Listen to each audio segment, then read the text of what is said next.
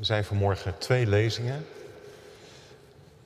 De eerste lezing is uit Genesis, hoofdstuk 38.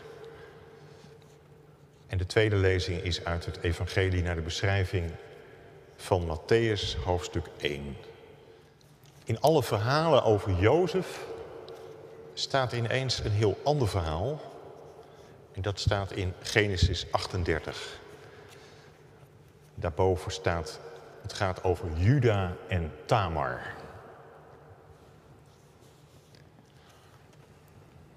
In diezelfde tijd verliet Juda zijn broers en sloot hij zich aan bij een zekere Gira, een man die in Adullam woonde.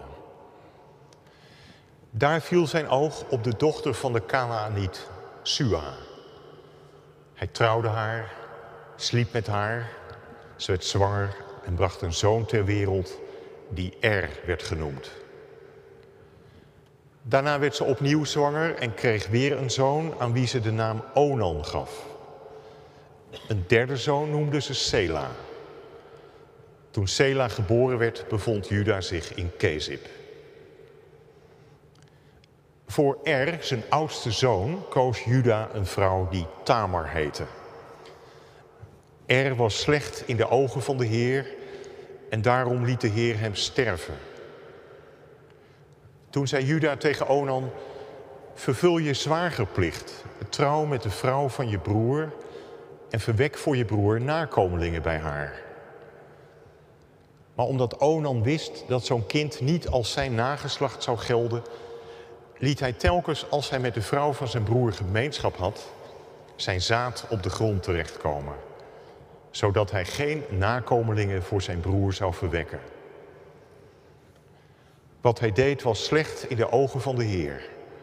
En daarom liet de Heer ook hem sterven. Toen zei Juda tegen zijn schoondochter Tamar: Nu je opnieuw weduwe bent, moet je maar weer bij je vader gaan wonen, totdat mijn zoon Sela volwassen is. Hij dacht namelijk: Ik moet voorkomen dat hij ook sterft, net als zijn broers. En Tamar ging weer bij haar vader wonen. Geruime tijd later stierf Juda's vrouw, de dochter van Sua. Toen de rouwtijd voorbij was, begaf Juda zich naar Timna, samen met zijn vriend Gira uit Adullam, om bij zijn schaapscheerders te gaan kijken. Zodra Tamar hoorde dat haar schoonvader op weg was naar Timna om zijn schapen te scheren, legde ze haar weduwedracht af bedekte zich met een sluier, zodat ze onherkenbaar was, en ging langs de weg naar Enaim zitten. Een zijweg van de weg naar Timna. Dat deed ze omdat ze nog steeds niet aan Sela tot vrouw was gegeven, hoewel die inmiddels volwassen geworden was. Toen Juda haar zag, hield hij haar voor een hoer, want haar gezicht was bedekt. Hij sloeg de zijweg in en ging naar haar toe. Ik wil van je diensten gebruik maken, zei hij, niet wetend dat het zijn schoondochter was. Wat staat daar van uw kant tegenover? vroeg ze. Ik zal je een geitenbokje uit mijn kudde laten brengen, antwoordde hij. Goed, zei ze, als ik dan maar een onderpand van u krijg. En op zijn vraag wat ze als onderpand van hem wilde, antwoordde ze: Het snoer met uw zegel en de staf die u in uw hand hebt. Hij gaf het haar en had gemeenschap met haar en ze werd zwanger van hem. Daarna ging ze terug naar huis, deed haar sluier eraf en nam haar weduwdracht weer aan. Juda vroeg zijn vriend uit Adullam een geitenbokje naar de vrouw te brengen om het pand in te lossen, maar hij kon haar niet vinden. Hij informeerde bij de mensen in de buurt ik ben op zoek naar de vrouw die onlangs bij de weg naar Enaim haar gunsten aanbood. Zo'n vrouw is hier niet geweest, antwoordde ze. Dus ging hij naar Juda terug. Ik heb haar niet kunnen vinden, zei hij. Sterker nog, de mensen daar beweren dat er nooit zo'n vrouw geweest is. Toen zei Juda, laat haar alles dan maar houden, anders maken we onszelf nog belachelijk. Ik heb het beloofde bokje gestuurd, maar je hebt haar nou eenmaal niet kunnen vinden. Ongeveer drie maanden later kwam men Juda vertellen dat Tamar, zijn schoondochter, zich als een hoer had gedragen en daardoor zwanger was. Breng haar uit de stad, zei Juda. Ze moet verbrand worden. Maar terwijl ze de stad uit werd gebracht, liet ze haar schoonvader deze boodschap brengen. Ik ben zwanger van de eigenaar van deze voorwerpen. Kijkt u eens goed van wie dit zegel, dit snoer en deze staf zijn. Juda herkende ze en zei: Zij is onschuldig, maar ik niet. Want ik heb haar niet aan mijn zoon Sela gegeven. Hij had geen tweede keer gemeenschap met haar. Toen de tijd van de bevalling was gekomen, bracht ze een tweeling ter wereld. Tijdens de bevalling stak één van de twee zijn hand naar buiten. De vroedvrouw bond een rode draad om zijn hand ten teken dat hij zich het eerste had laten zien. Maar hij trok zijn hand weer terug. En daar kwam zijn broer tevoorschijn. Wat een baanbreker ben jij, zei ze. Hij kreeg de naam Peres. Daarna kwam zijn broer, met om zijn hand de rode draad. Hij werd Zerach genoemd. Hier eindigt de lezing uit het Oude Testament. Uit het Evangelie naar Matthäus, hoofdstuk 1, vanaf vers 1. Overzicht van de afstamming van Jezus Christus, zoon van David, zoon van Abraham. Abraham verwekte Isaac, Isaac verwekte Jacob, Jacob verwekte Juda en zijn broers. Juda verwekte Peres en Zerach bij Tamar. Peres verwekte Gesron, Gesron verwekte Aaron. En die hele lijst loopt door en dan lees ik vers 16. Jacob verwekte Jozef, de man van Maria. Bij haar werd Jezus verwekt, die Christus wordt genoemd. Dit is het woord van God. Gemeente van Jezus Christus, toen wij zo even uit Matthäus 1 hoorden voorlezen, kwam haar naam voorbij, Tamar. Die naam betekent, betekent dadelpalm. En je ziet een sierlijke boom voor je. Matthäus 1 is, om zo te zeggen, het familiealbum van Jezus Christus. Als je Matthäus 1 opslaat, dan zie je eigenlijk een boek met een heleboel foto's voor je. Wie horen er allemaal bij Jezus' familie? Abraham, David, Salomo, Hiskia. Ja, dat zijn de bekende namen. Er staan ook vier vrouwen in het fotoalbum en Tamar is daar één van. Tamar is de bedovergrootmoeder van Jezus. Wat denk je? Zou dit kind van Bethlehem ook op haar lijken, ook op Tamar lijken? Wie is Tamar precies? Nou, over haar horen we in Genesis 38. Ik neem even een aanloop. Tamar komt voor in de geschiedenis van Juda, een van de zonen van Jacob. En om het nog iets complexer te maken, dat verhaal van Juda, dat is weer onderdeel van een groter verhaal over Jozef. In Genesis 37 lezen we dat Jozef door zijn broers wordt verkocht. Laten we maar niet vermoorden, zegt uitgerekend Juda. Want ja, het is toch onze broer, laten we hem maar als slaaf verkopen. Dat is in hoofdstuk 37. En als je dan de bladzij omslaat naar het volgende hoofdstuk, dan lees je niet hoe het verder gaat met Jozef, maar dan wordt eerst dit verhaal over Juda en Tamar verteld. Waarom is dat? Ik denk dat het twee redenen heeft. Schrijver wil duidelijk maken dat er een hele tijd tussen zit tussen de verkoop van Jozef en dat hij in Egypte is.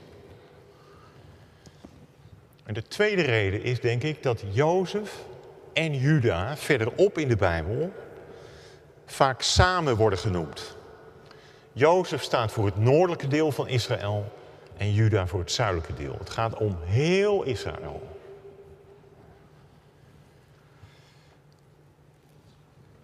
Hier gaat het verhaal van Gods belofte aan Abraham, Isaac en Jacob verder met Juda. Juda is niet de oudste zoon van Jacob, dat is Ruben. Maar zijn drie broers boven hem hebben zich ernstig misdragen. En nu gaat God verder met Juda. Juda is het. Al wordt in hoofdstuk 38 van Genesis wel duidelijk dat Juda het er niet veel beter afbrengt dan zijn drie broers. Ik kan me intussen goed indenken als u thuis of hier in de kerk dit hele verhaal met stijgende verbazing hebt aangehoord. Wat een story. Ik snap wel dat de kinderbijbel dit hoofdstuk overslaat. Hoe bizar wil je het hebben? Is meer iets voor 16 jaar en ouder. Ja, maar aan de andere kant kun je natuurlijk ook zeggen, in dit hoofdstuk krijg je zicht op het echte leven. Het komt allemaal langs, leven en dood, complicerende familierelaties, seks en bedrog, onrecht, verzet tegen onrecht. Je proeft iets van het duister, van de modder van het bestaan. Ons bestaan waarin God toch op de een of andere manier aanwezig is. Wat dat betreft is de Bijbel een super eerlijk boek. Nu het verhaal. Na de verkoop van zijn broer Jozef begint Juda voor zichzelf, los van zijn familie. Hij daalt af, staat er letterlijk. Hij zakt af. Hij gaat bij een zekere Gira wonen in Adullam. En Juda trouwt met een Canaanitische vrouw, een dochter van Suba. Ze krijgen drie zonen, Er, Onan en Sela. Als Er op een bepaalde leeftijd gekomen is, zoekt Juda een vrouw voor hem. Het is Tamar, ook een vrouw uit Canaan. En dan lezen we dat Er sterft. Hij was, staat er, slecht in de ogen van de Heer. Wat dat precies wil zeggen, dat weten we niet. We weten wel dat Tamar zonder kinderen achterblijft. En nu treedt naar Oosters recht het zogenaamde zwagerhuwelijk in werking. Onan, de tweede zoon van Juda, is geroepen om met Tamar te trouwen en bij haar kinderen te verwekken. Daar klinkt iets in door van een primitieve cultuur. Waarin een weduwe, waarvoor nou eenmaal een bruidschat is betaald, haar plicht moet doen. Kinderen baren voor de clan. In Israël krijgt dat zwagerhuwelijk een andere betekenis. Hoe kan de belofte die aan Abraham gedaan is, dat zijn nakomelingen tot een groot volk zullen worden, hoe kan die belofte doorgaan? Kan toch niet zo zijn dat de naam van Er wordt uitgewist? Dat Gods toekomst hier stopt. En daarom moet Onan met zijn schoonzus trouwen en bij haar een kind verwekken. We lezen dat Onan dat niet doet. Telkens als hij met Tamar slaapt, laat hij zijn zaad op de aarde terechtkomen. Ja, het staat er heel plastisch. En nee, dit heeft niks met zelfbevrediging te maken, waar dit verhaal later aan gelinkt is.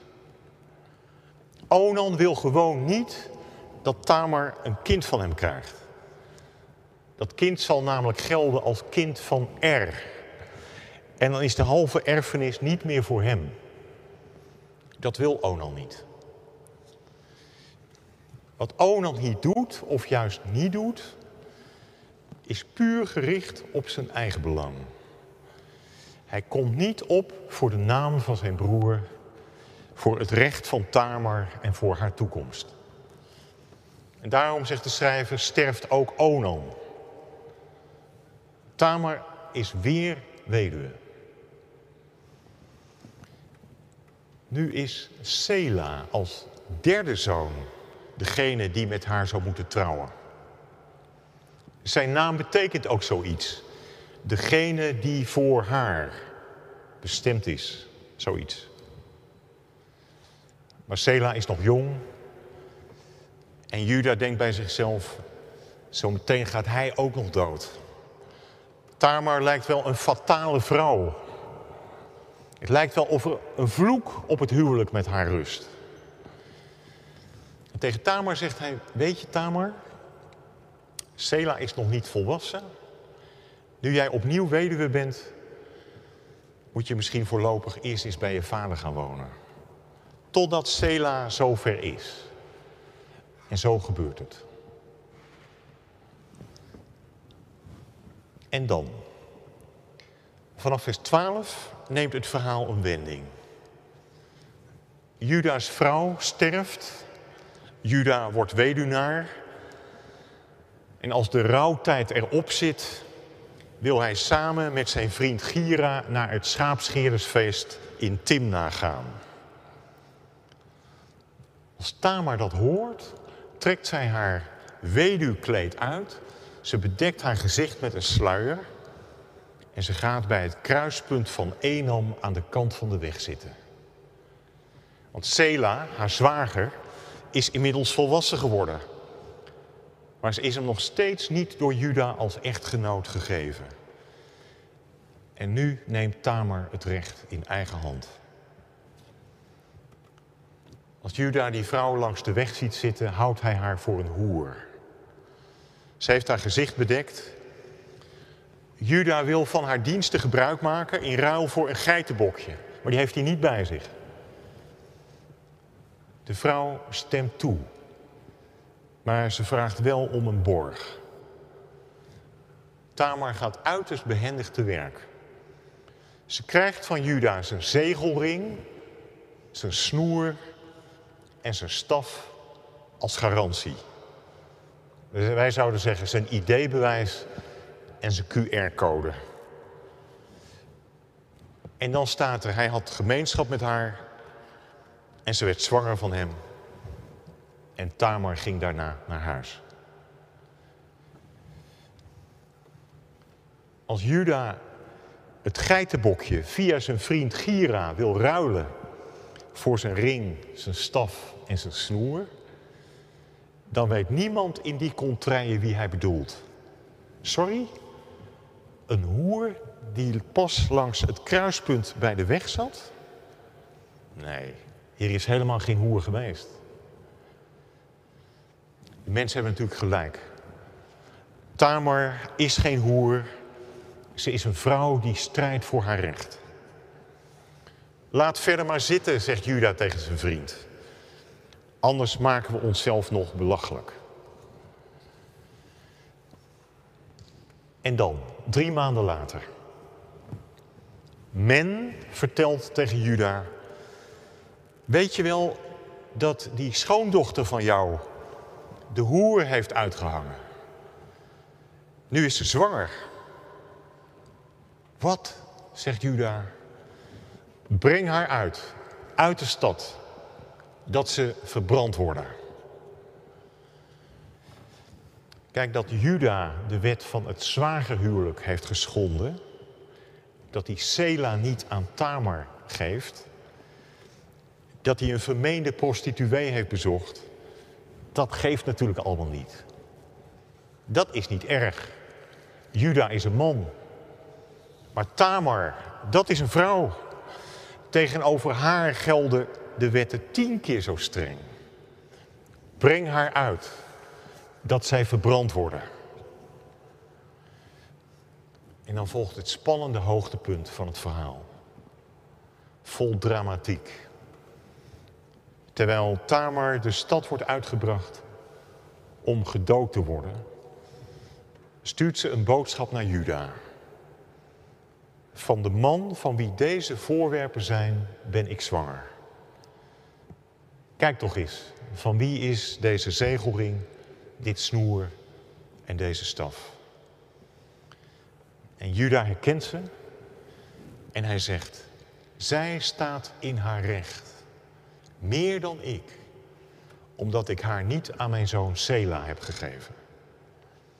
Juda bekent schuld, hij heeft Tamar onrecht gedaan. Maar zij zal leven. Zij is rechtvaardig. Dat woord valt er. Een koninklijk woord. Zes maanden later volgt de bevalling. Twee zonen worden er geboren. En daar is ook iets bijzonders mee. Peres, van wie de vroedvrouw dacht dat hij als laatste ter wereld zou komen, wordt als eerste geboren. De laatste wordt de eerste. Dat hebben we vaker gehoord. Wat een verhaal. Wat moeten we hiermee? Gemeente, hoe is dit hoofdstuk voor ons woord van God op deze zondag van Advent? Ik zie drie lijnen. Allereerst, als je dit verhaal op je in laat werken, dan zien we een dappere vrouw voor ons. Iemand die alles op alles zet om haar recht te krijgen. En dat ook ontvangt. Dat is opzienbarend. Tamar komt op voor zichzelf. Ze komt op voor de naam van haar overleden man. Ik kan het nog scherper zeggen. Ze komt op voor de toekomst die God heeft beloofd. Ze heeft er geen vrede mee dat ze niet bij kan dragen aan de vervulling van Gods belofte door nageslacht. Daarom staat ze op en gaat ze langs de weg zitten. Je voelt dat is in de patriarchale wereld waarin Tamar leeft ongehoord. En ongehoord is ook dat de schrijver van dit hoofdstuk duidelijk partij voor haar kiest, voor Tamar. Hij kiest partij voor een rechteloze vrouw. En dan ook nog eens voor een niet-Joodse vrouw. We zouden misschien vandaag zeggen een Palestijnse vrouw. Een buitenstaander, een paria. Over haar wordt gezegd, zij is rechtvaardiger dan Juda. Ik kan het nog sterker zeggen, het is God die partij kiest voor Tamar. Ze krijgt een tweeling en dat betekent hier in dit verhaal een dubbele zegen. God zet een uitroepteken achter haar optreden. Daarin kan je horen dat God zich verbindt met wie geen stem heeft. Dat hij zich niet schaamt om God te zijn van zo iemand als Tamar, die niet meetelt. Zo is de God van Tamar. In de psalmen staat, hij doet recht aan de verdrukte. Hij geeft wie gebukt gaat moed. Hij doet recht aan de verdrukte. Hij geeft wie gebukt gaat moed. Zo is de God van Tamar, de vader van Jezus Christus. Hij schaamt zich niet voor wie niet meetelt. En dat moeten wij dus ook maar niet doen. Dat is de eerste lijn die ik zie. De tweede. In dit verhaal zit een grondtoon die beschaamd maakt en bescheiden maakt. Als Juda nog het gevoel had dat hij iets was, dat hij de zaak van God wel verder zou helpen en zou kunnen behartigen, dan wordt Juda hier uit de droom geholpen. Het is nota bene dankzij een niet Joodse vrouw, die ook nog eens door Juda voor hoer wordt aangezien, dat Juda stamvader van Israël wordt. Kan je nagaan. Door ongehoorzaam te zijn aan Juda, door met hem naar bed te gaan, redt Tamar Juda's toekomst. Dat is het ongerijmde, het absurde van dit verhaal. Maar horen jullie dat, lezers uit Juda? Horen jullie dat, mannen? Horen wij dat, nette kerkmensen? Verbeeld je alsjeblieft niks. Als het erop aankomt, sta je met lege handen. Niet ik zal mezelf redden, ik word gered. En hoe? Tamars daad opent de weg naar de komst van de Messias. Dat is voor ons allemaal een oefening in nederigheid. En dat past op deze zondag van Advent, waarin we ons klein maken voor God. Dat is het tweede. Maar ja, denk je dan wat Tamar hier doet, is nogal wat. Daar wordt toch in de Bijbel, in het Oude Testament, dat wordt toch streng verboden in Leviticus 18. Dat is toch een taboe. Zeker. Hoe moet je dat zien? Weet u, het valt mij op dat de Bijbel het gedrag van Tamar niet veroordeelt. Het oordeel daarover wordt nadrukkelijk opengelaten. En komt het ons dan toe om haar te veroordelen? Dit is wat ik Tamar zie doen. Zij breekt een wet om haar recht te krijgen. En is dat niet een oerregel in de ethiek? De kleine wet, de kleinere regel wordt overtreden om de grote wet van het recht en van de liefde te gehoorzamen. Zoals in onze dagen hulporganisaties mensen, het mag eigenlijk niet, toch oppikken uit hun gammele bootjes voor de Italiaanse kust en hen aan land brengen om hun leven te redden. Zoiets. Ik geloof, en dat is de derde lijn die ik zie, dat Tamar op deze manier een stammoeder is geworden van onze Heer Jezus Christus. Daarin lijkt Jezus op haar. Ga maar na.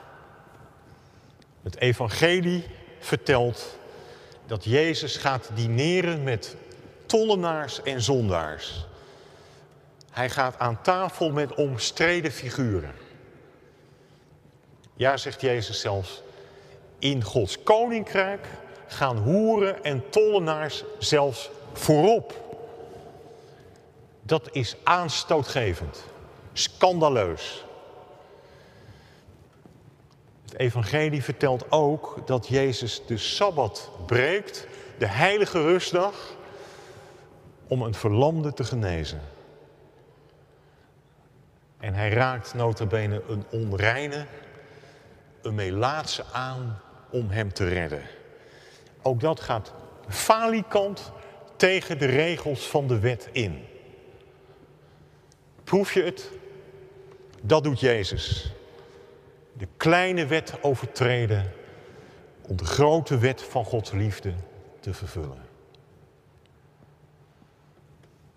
Ja, dat klinkt natuurlijk allemaal mooi.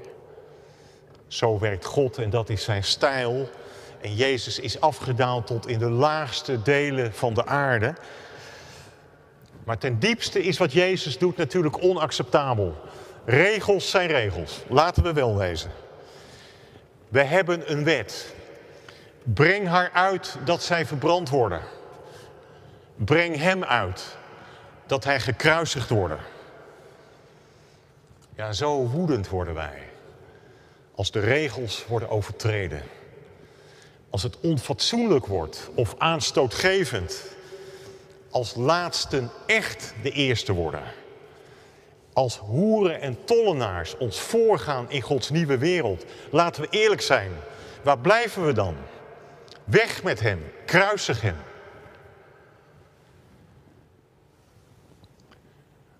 Gemeente, het, het grote geheim, het onbegrijpelijke wonder is dat Jezus in zijn kruisweg, in zijn offer, voor Juda, voor Tamar, voor u, voor jou, voor mij, voor heel deze wereld, Gods toekomst heeft geopend, redding heeft gebracht. Gods toekomst die voor ons gesloten bleef, ontsluit gij weer. Gij opent onze harten, die zoon van Tamar zijt en man van smarten. Koning der Joden, die de dood verdreef. En daarom lof zij Christus, de kleinzoon van Tamar. Hij geeft ons hoop. Amen.